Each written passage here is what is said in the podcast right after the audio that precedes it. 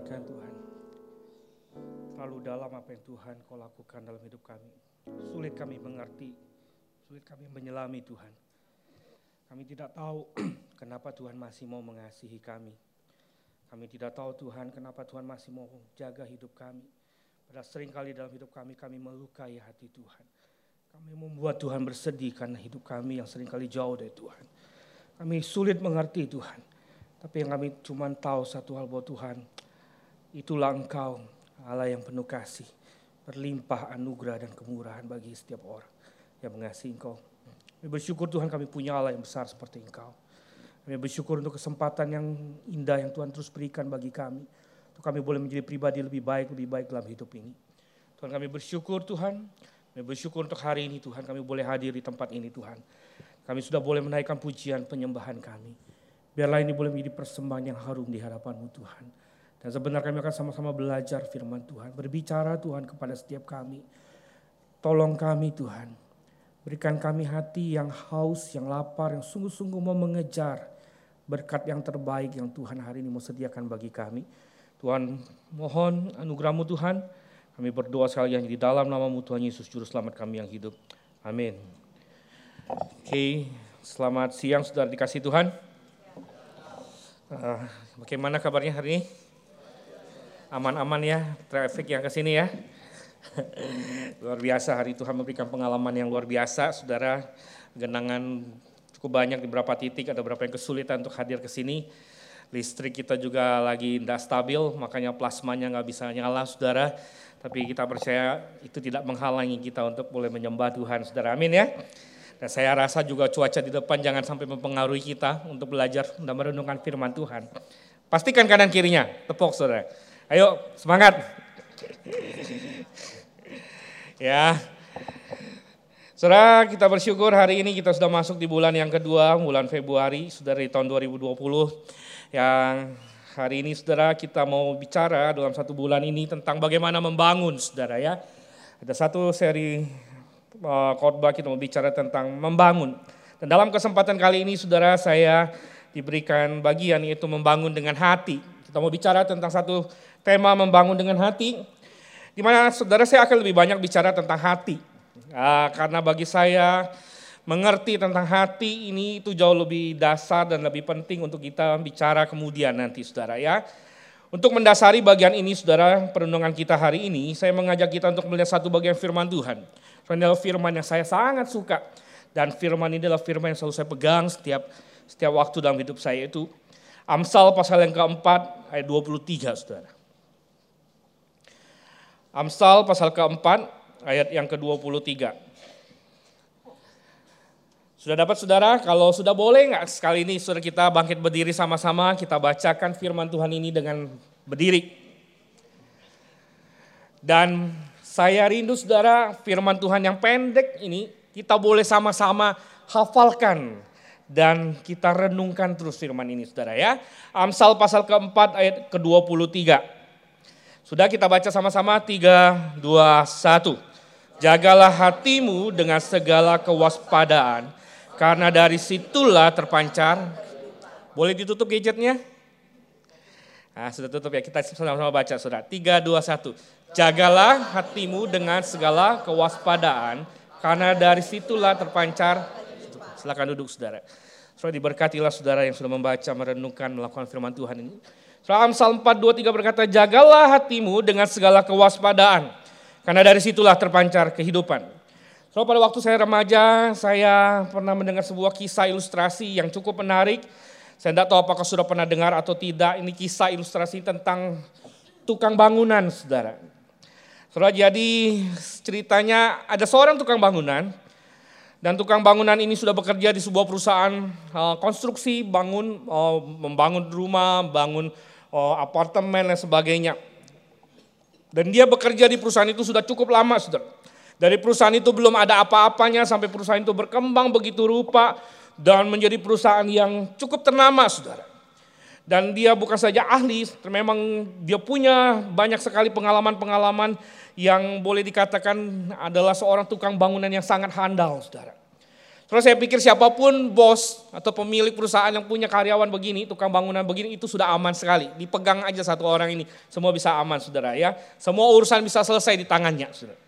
Tetapi saudara suatu hari saudara tiba-tiba tukang bangunan ini dikisahkan mengajukan surat pengunduran diri kepada bosnya.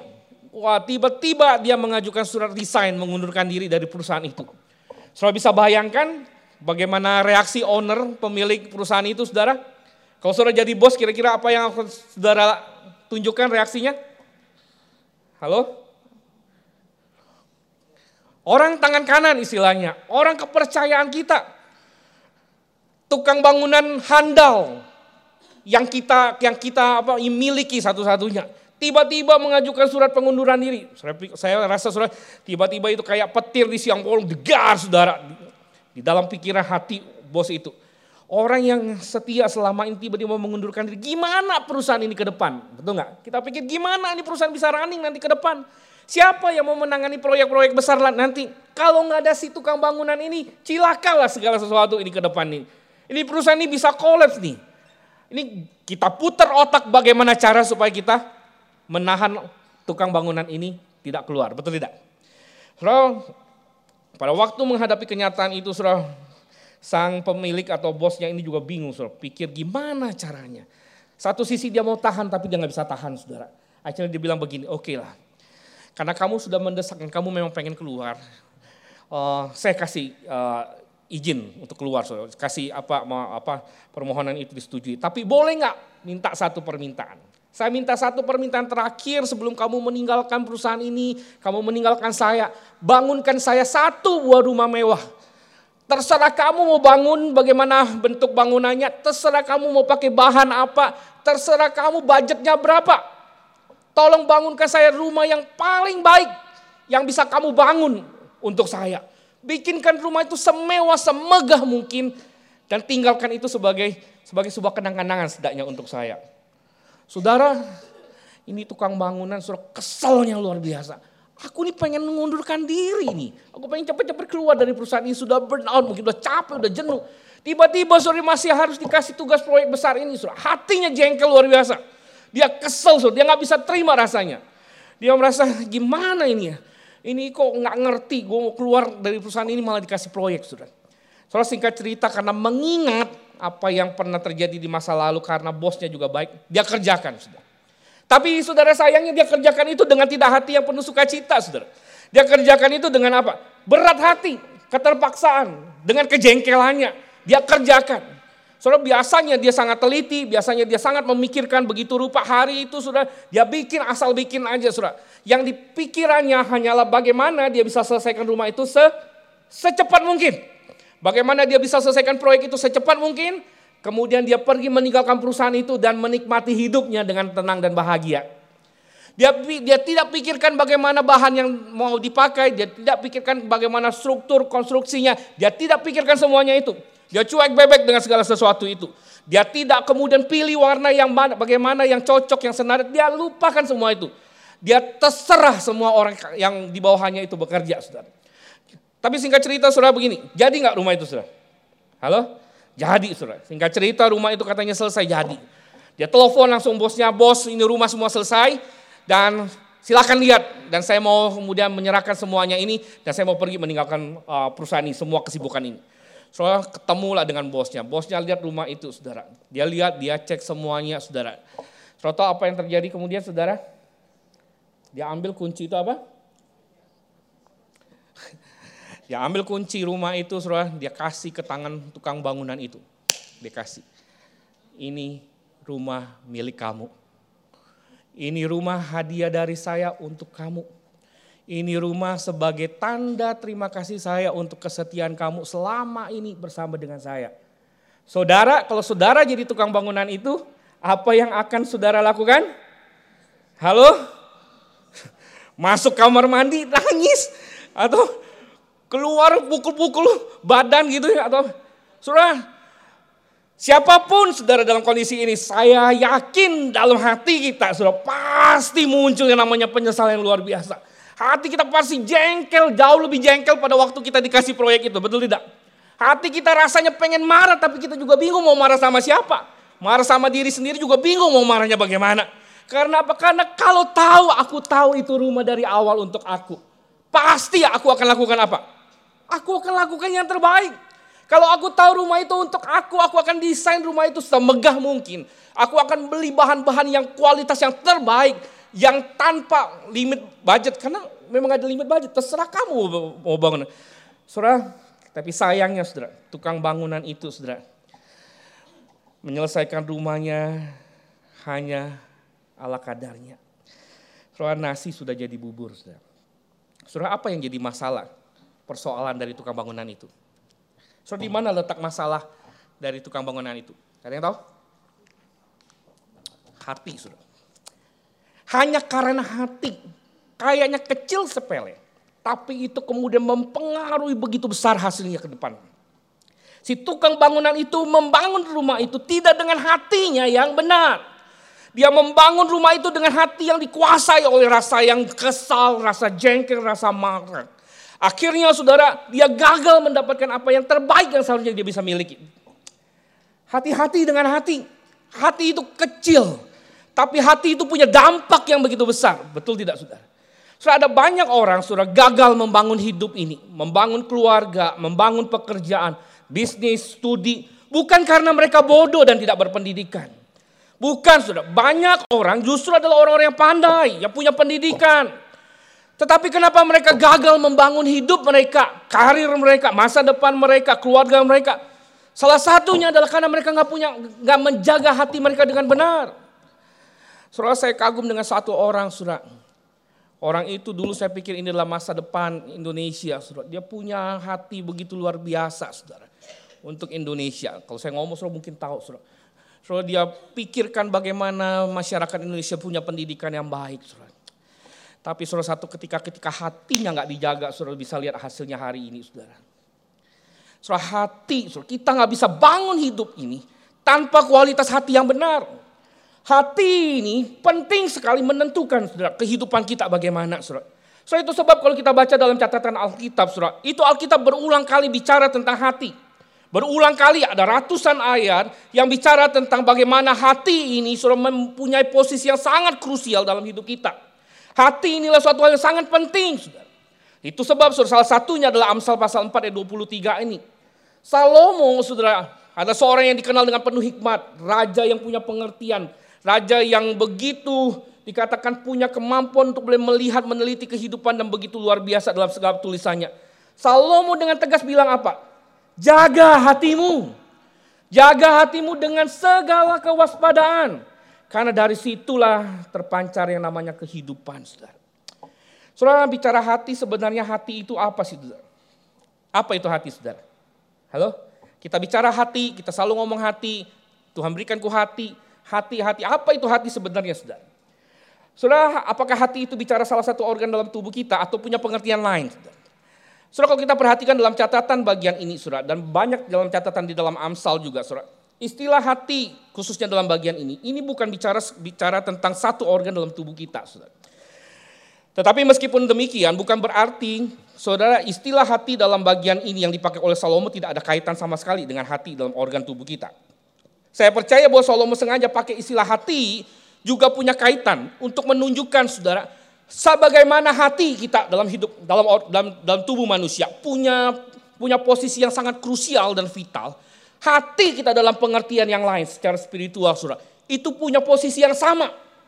Krusial dan spiritual punya punya apa? Krusial dan sangat serius juga, saudara. Penting. Jadi hati, saudara. Banyak orang suka salah mengerti begini. Jangan salah mengerti, saudara. Pada waktu kita bicara tentang hati, saudara. Saudara, hati itu bukan bicara tentang organ tubuh apa, saudara?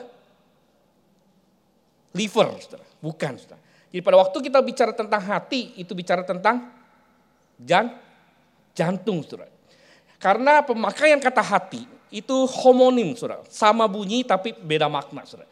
Jadi kalau pada waktu kita bicara tentang hati, itu bicara tentang jantung itu, kalau organ. Tapi sorry dalam catatan Alkitab, kata hati itu berbeda. Kata hati itu punya pengertian yang yang banyak macam, saudara. Dan biasanya hati itu diterjemahkan pertama. Kalau kita baca dalam catatan Amsal atau Alkitab lain, hati itu kadang-kadang itu bicara tentang apa? Pikiran, saudara. Mind pikiran kita. Jadi pada waktu kita bicara tentang hati, itu tuh kita sama dengan bicara tentang pikiran. Tapi dalam beberapa bagian Alkitab yang lain, hati itu juga diterjemahkan bicara tentang perasaan, emosi. Dan kadang-kadang kita suka lebih menekankan hati itu berkaitan dengan emosi. Padahal belum tentu saudara. Karena hati itu juga bisa bicara tentang apa? Pikiran. Tapi yang ketiga sudah dalam catatan Alkitab hati itu juga bisa bicara tentang apa? Will, kehendak saudara. Jadi pada waktu Alkitab bicara tentang hati, sebenarnya banyak sekali bicara tentang pikiran, perasaan, dan will. Tiga ini sudah menjadi satu. Kadang-kadang kalau sudah baca Alkitab sudah akan menemukan kok ada kata hati dan pikiran. Apakah itu dua hal yang berbeda? Tidak saudara. Saya percaya bahwa itu dua kata yang sama yang punya makna satu saudara. Tapi sering kali dipakai bersamaan. Dan semuanya terhubung antara pikiran, hati, dan will. Betul nggak? Kita nggak bisa bicara pikiran tanpa hati, tanpa will. Semuanya kait mengait. Bahkan ada yang beberapa menafsirkan bahwa inilah seperti gambaran tritunggalnya Tuhan. Allah Bapa, Allah Anak, dan Allah Roh Kudus. Tapi itu terlalu jauh, saya tidak menarik ke sana. Saudara. Tapi bicara tentang hati, itu bicara bukan hanya tentang perasaan, tapi itu bicara tentang pikiran dan kehendak kita. Jadi pada waktu Salomo bicara tentang ingat, kamu harus jaga hatimu dengan segala kewaspadaan. Itu sebenarnya Salomo sedang bicara begini, ingat, kita harus menjaga apa? Pikiran kita. Kita harus menjaga apa? Emosi perasaan kita. Kita harus menjaga apa? Kehendak kita. Semua itu menjadi satu yang terkait. Kita harus menjaga itu semua dan itu penting dan itu sangat-sangat krusial, Saudara. Saudara kalau menarik sekali kalau saudara punya terjemahan Alkitab dalam bahasa Inggris, NIV, Saudara. Saudara saya lebih suka dengan terjemahan itu. Karena kalau kita membaca dalam versi NIV, dikatakan ayat itu, Salomo berkata begini, Above all else, God your heart. Di atas semua yang lain, jagalah hatimu. Sudah ada frase di atas semua yang lain. Kalau versi LAI tidak ada kata itu. Tapi kalau dalam versi NIV sudah dikatakan ada above all else. Di atas segala yang lain. Ini mengindikasikan betapa Salomo atau firman Tuhan itu menekankan hati itu yang harusnya menjadi apa? Yang utama dalam hidup ini. Hati itu hal yang paling penting untuk kita pikirkan dan kita betul-betul serius untuk kemudian kita rawat. Tapi sayangnya sudah hari ini terlalu banyak orang kita justru lebih sibuk memikirkan semua yang lain dibandingkan ha? hati. Betul tidak? Hari ini terlalu banyak manusia, terlalu banyak orang, termasuk kita mungkin salah satunya di antaranya. Kita cuma mikirin bagaimana cara mencari harta sebanyak-banyaknya. Bagaimana kita menjaga aset kita supaya aman, betul tidak? Halo? Kita kerja mati-matian, kita korbankan segala sesuatu, kita korbankan keluarga kita, kita korbankan pelayanan kita, bahkan kita korbankan iman kita.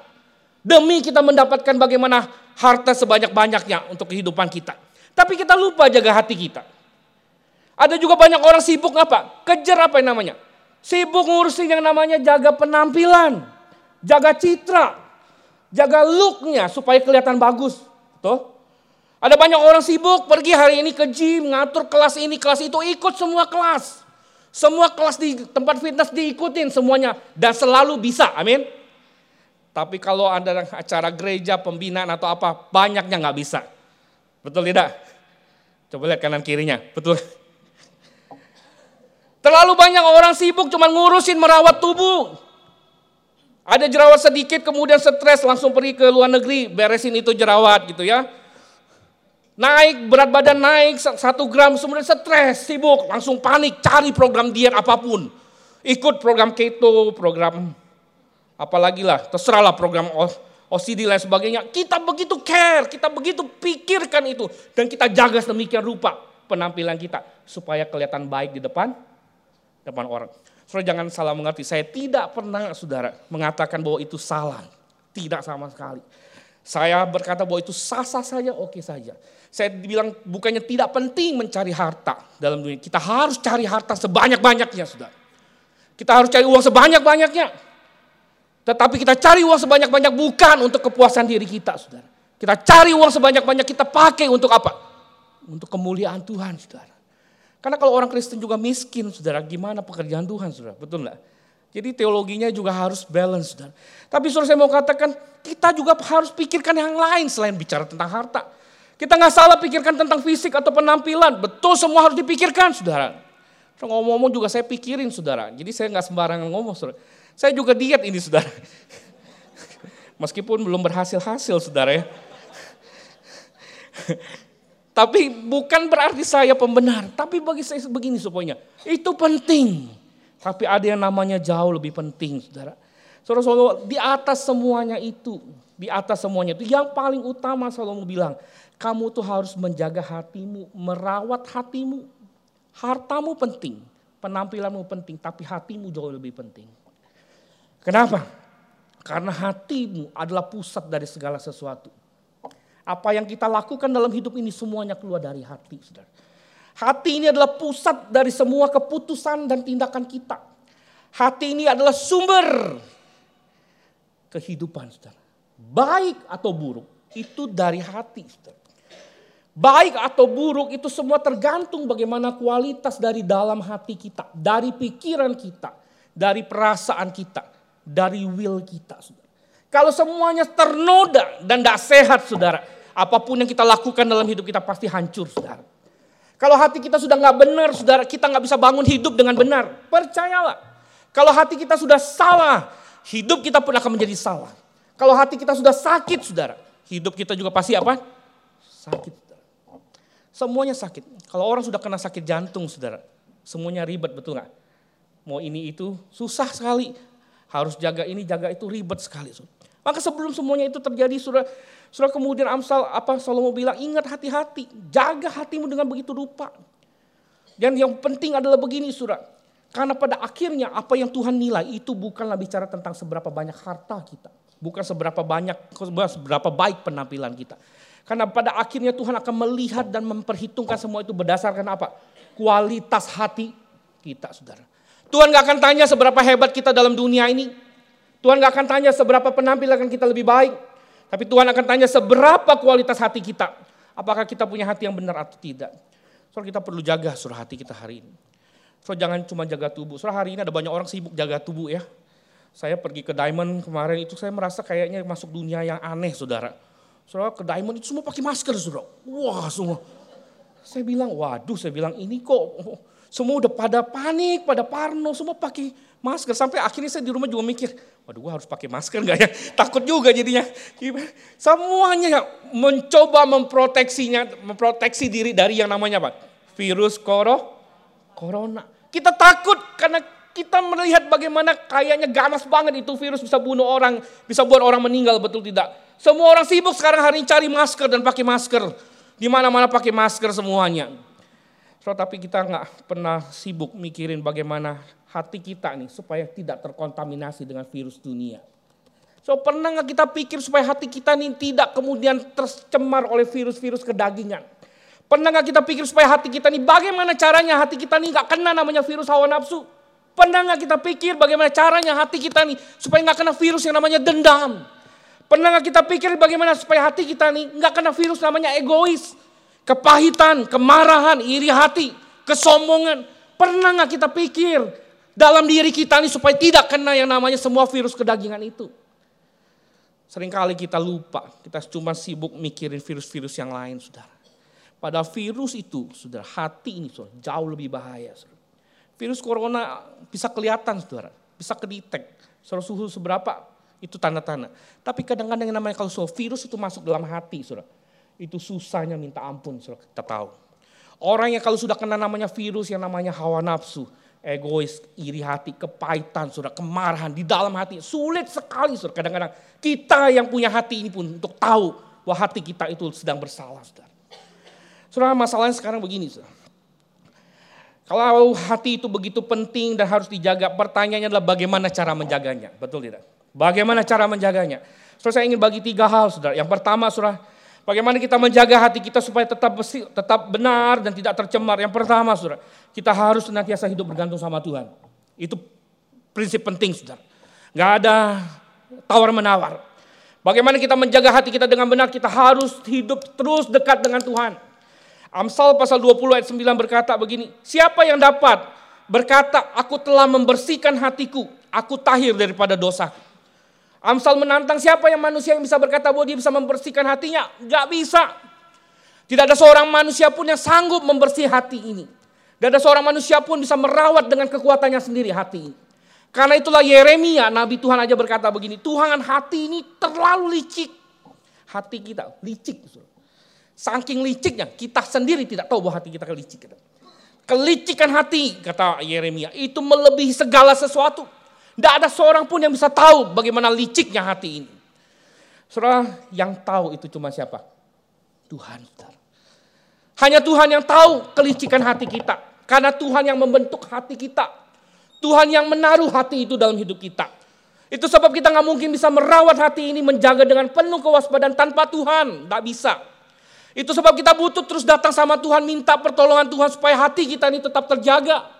Karena ada banyak sekali virus di luar sana mencoba mengancam kita. Dan kita cuma bisa datang sama Tuhan. Supaya kita nggak akan ternoda dengan segala sesuatu yang ada. Hanya Tuhan yang sanggup menolong kita membersihkan hati ini, saudara. Itu sebab kita perlu belajar seperti Daud, saudara. Saudara Daud itu adalah seorang yang luar biasa. Dia tahu hidup ini, saudara, hati ini terlalu licik. Itu sebab setiap hari dia datang sama Tuhan. Dia berdoa begini. Mari kita lihat Mazmur 51 ayat 12 saudara. Mazmur 51 ayat 12. Biarlah ini juga boleh jadi doa kita saudara. Setiap hari saudara. Mazmur 51 ayat 12. Sudah dapat?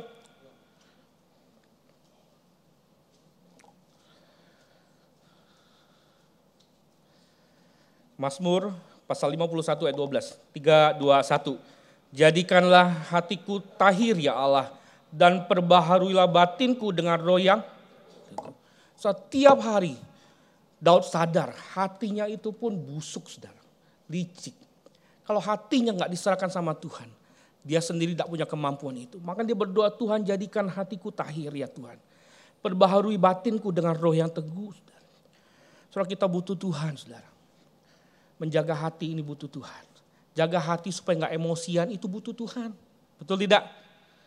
Jaga hati supaya nggak dendam sama orang butuh Tuhan. Kalau dengan kekuatan kita, kita nggak mungkin bisa.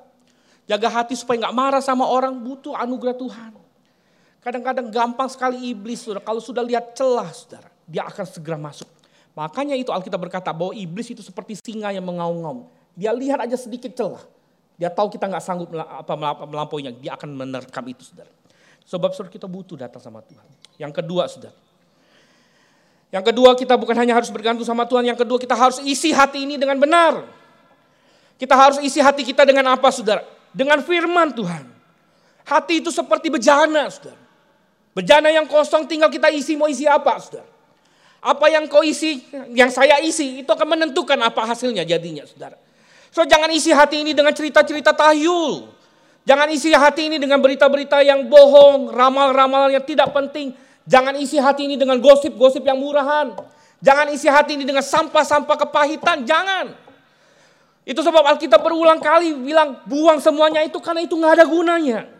Itu tidak akan membuat hati kita menjadi lebih baik, tapi justru membuat hati kita apa? Tercemar dan salah. Isi hatimu dengan firman Tuhan. Setiap hari baca firman itu.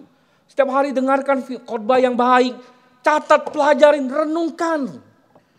Karena itu jauh lebih berguna, saudara. Karena Alkitab berkata, surah 2 Timotius pasal ketiga ayat 16. Firman Tuhan itu, itu sanggup untuk mengajar kita, menyatakan kesalahan kita, memperbaiki kelakuan kita, dan mendidik kita di dalam apa? Kebenaran.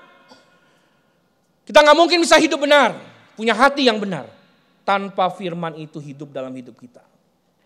Itu sebab Mazmur 119 ayat 9 berkata begini. Dengan apa seorang muda mempertahankan kelakuannya bersih? Surah ayat ini bukan hanya bicara tentang seorang muda. Dengan apa kita menjaga hidup kita supaya punya kelakuan yang bersih? Dengan apa saudara? Mazmur bilang dengan menjaganya sesuai dengan apa? Firman Tuhan. Dengan menjaganya sesuai firman Tuhan.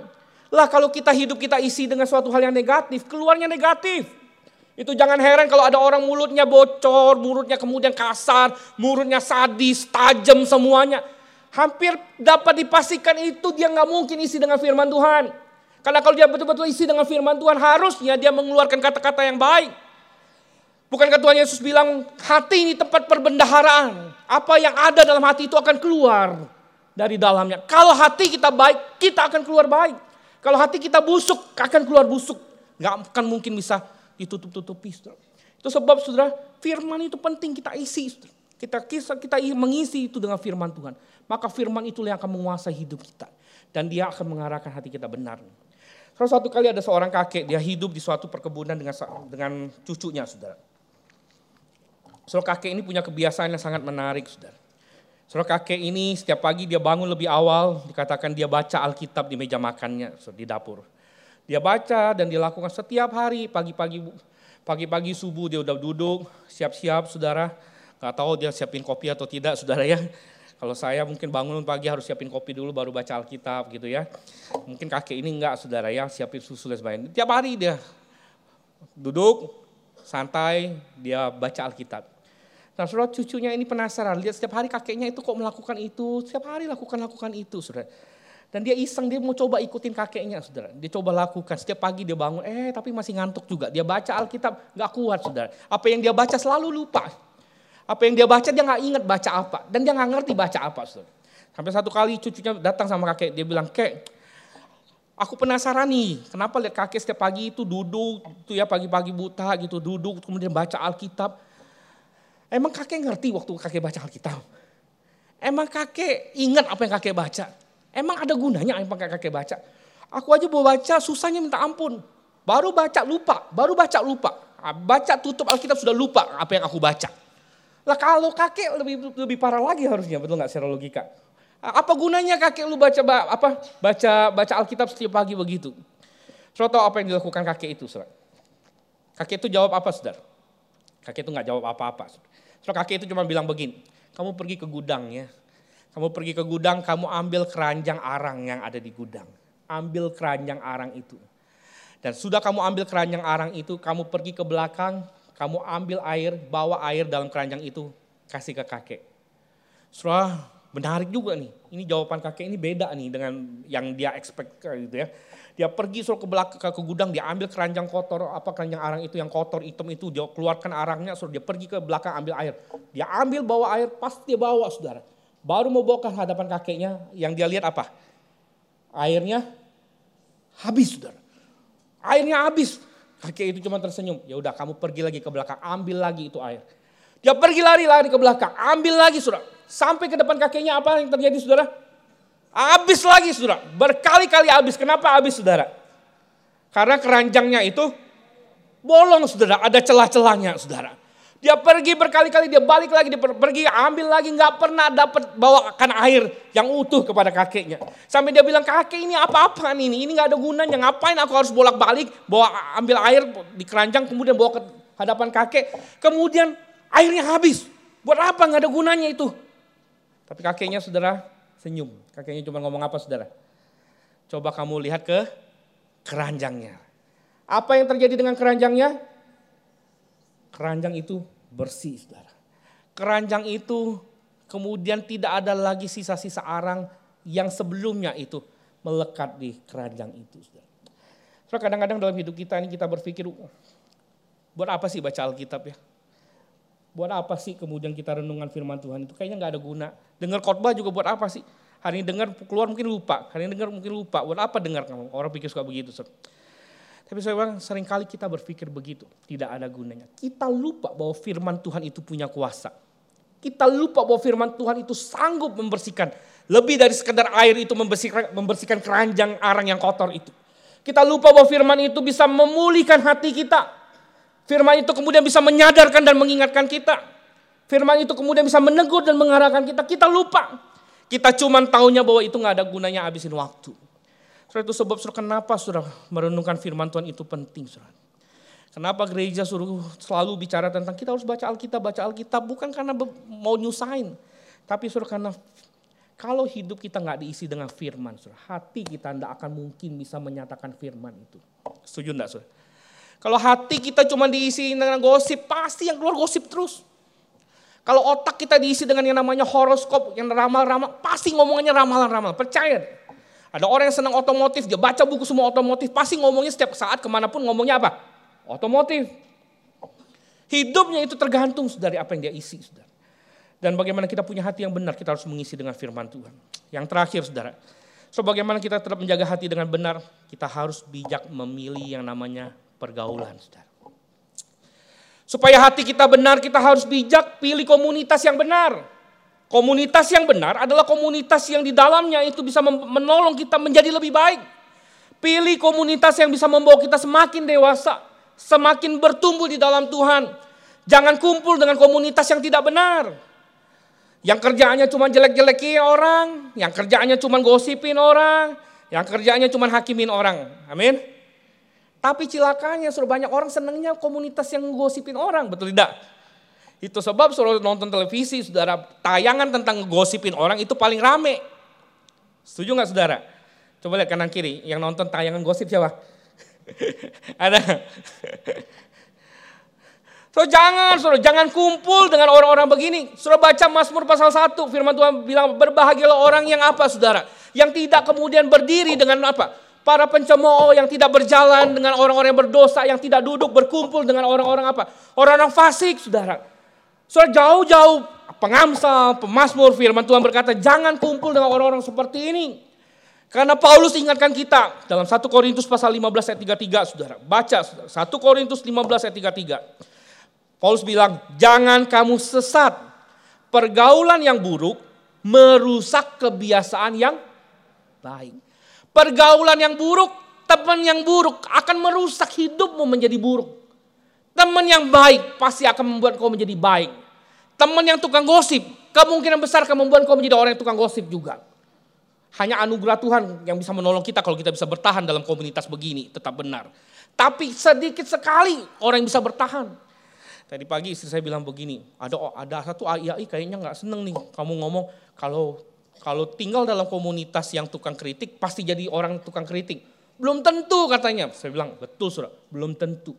Kalau kita bisa bertahan itu anugerah Tuhan. Tapi kebanyakan pasti jebol saudara. Pasti pasti pasti jatuh saudara maksud saya. Pasti jatuh saudara. Tidak mungkin saudara. Karena firman Tuhan sudah menunjukkan saudara. Kepada siapa kita berkumpul, membangun relasi. Itu akan sangat mempengaruhi bagaimana kita berpikir bagaimana kita merasakan dan bagaimana kita kemudian apa? Akan bertindak, saudara. Kalau kita kumpul dengan pencemooh, kemungkinan besar, saya ganti katanya, kemungkinan besar saudara, kita akan menjadi orang pencemooh. Kalau kita kumpul dengan orang-orang yang tukang gosip, kemungkinan besar kita jadi tukang gosip. Kalau kita kumpul dengan orang-orang yang kerjanya cuma mau happy-happy, mau pesta pora, senangnya ke keduniawian, sudah kemungkinan besar kita akan jatuh dalam hal yang sama. Kemungkinan besar. Saya pernah baca satu tulisan apa cerita tentang uh, filosofi China kalau nggak salah. Saya lupa saudara. Suatu kali ada seorang ibu punya anak, anaknya tinggal di pasar saudara. Dia tinggal di pasar. Dia lihat anaknya sering ke tukang babi, ya, pasar, pergi ke pasar main tempat tukang babi. Lama-lama setiap hari dia senang main babi saudara. Dia lama potong babi terus mamanya takut, wah ini lama-lama ntar jadi tukang babi anak saya. Dia dia dia bawa dia dia pindah ke, ke tempat yang lain saudara saya lupa ceritanya pindah ke mana, surah intinya dia pergi ke satu tempat, ada kebiasaan yang baru, anaknya ikutin. Dia bilang, wah cilaka nanti anak saya menjadi yang sama. Saudara saya mau katakan begini poinnya adalah, di mana kita tinggal itu punya pengaruh dampak yang besar. Kalau saudara tinggal di tempat komunitas yang salah, saudara akan kemungkinan besar menjadi salah. Saudara tinggal dalam komunitas yang kemudian buruk, pas kemungkinan besar saudara akan menjadi buruk. Hanya anugerah Tuhan saudara yang menolong kita tidak jadi buruk. Saya pernah bilang sama mama saya begini, saya selesai SMA, saya harus pergi tinggalkan kota Palembang, saya bilang. Saya harus tinggalkan uh, kampung halaman saya. Kenapa? Saya bilang, saya nggak mau tinggal di sini dan saya nggak mau besar di sini. Saya nggak mau mem, mem, apa, membangun hidup saya di Palembang. Apalagi di kampung rumah saya. Saudara rumah saya itu sudah tinggal di kampung di, semu, di, di, di sekitarnya itu semua banyak penjahat sudah. Yang namanya perampok, tukang begal, yang namanya jual narkoba, judi togel, yang semuanya mabok, yang semuanya ngebunuh orang. Semua ada di lingkungan saya sudah. Saya bilang sama mama saya, saya selesai SMA, saya mau pergi tinggalan ini rumah. Saya mau merantau aja studi di luar. Saya takut hidup saya terpengaruh. Saya takut hidup saya kemudian tercemar. Karena benar sudah. Dua dari teman saya sudah. Semuanya kena. Masuk penjara karena togel, karena obat-obatan sudah. Rusak hidup mereka. Kalau kita bisa bertahan di situ ada nggak kok? Bisa kemungkinan, cuma anugerah Tuhan. Tapi surat pergaulan yang buruk akan selalu punya potensi besar membuat kita menjadi buruk, saudara. Itu sebab bagaimana kita jaga hati ini penting juga pilih komunitas yang benar. Pilih orang yang benar, teman yang benar. Saudara ada kutipan yang sangat menarik, saudara. Tidak tahu saudara setuju atau tidak. Tapi dia bilang begini. Show me your friends and I will show you your future. Show me your friends and I will show you your future. Tunjukkan kepada saya teman-temanmu dan saya akan tunjukkan bagaimana masa depanmu nantinya. Ada orang bilang begini, bagaimana hidup kita ke depan akan jadi seperti apa kita beberapa tahun ke depan itu tergantung dua hal katanya. Yang pertama itu apa yang kita baca, yang tadi saya bilang. Yang kedua ini, siapa teman-teman sekitar kita. Itu akan besar menentukan bagaimana kita jadinya. Kemungkinan besar kita akan menjadi sama. Sur. Karena itu saya mau katakan begini, sur. mari kita sama-sama bijak, pilih teman, pilih pergaulan, pilih komunitas. Jangan asal-asalan. Ada teman yang namanya kalau dalam ada selalu pakar pakar relasi bilang ada teman yang namanya teman seperjalanan, teman sepermainan. Tapi ada teman yang betul-betul kita pakai itu teman sebagai inner circle, inner circle kita untuk kita bertumbuh menjadi lebih baik, saudara. Tidak semua teman itu punya datang dampak yang baik. Ada banyak teman-teman yang buruk, betul tidak? Dan bahaya kalau kita salah, saudara. Saudara, sebagai penutup begini saya mau katakan, saudara. Jaga hatimu, saudara. Ingat baik-baik ini, jaga hatimu. Karena itulah akan menjadi apa? Pikiranmu. Jaga pikiranmu, karena itulah yang akan menjadi perkataanmu. Jaga perkataanmu, karena itulah yang akan menentukan menjadi perbuatanmu. Jaga perbuatanmu, karena itulah yang akan menjadi kebiasaanmu. Jaga kebiasaanmu, karena itulah yang akan menjadi karaktermu. Jaga karaktermu. Karena itulah yang akan menentukan hidup. Dari hati sampai ke hidup itu punya kaitan yang luar biasa. Pikiran, perkataan, perbuatan, kebiasaan, karakter kita. Sebab sudah jaga hati dengan kewaspadaan. Kita boleh jaga yang lain, itu penting. Tapi jauh yang lebih penting hati. Karena pada akhirnya Tuhan akan tanya hati kita, sudah. Orang lihat semua yang ada di depan mata, tapi Tuhan lihat hati. Itu sebab pada waktu Samuel melihat siapa yang harus dipilih jadi raja Israel, Tuhan bilang, aku memilih yang hatinya kedapatan benar. Mari kita berdoa saudara.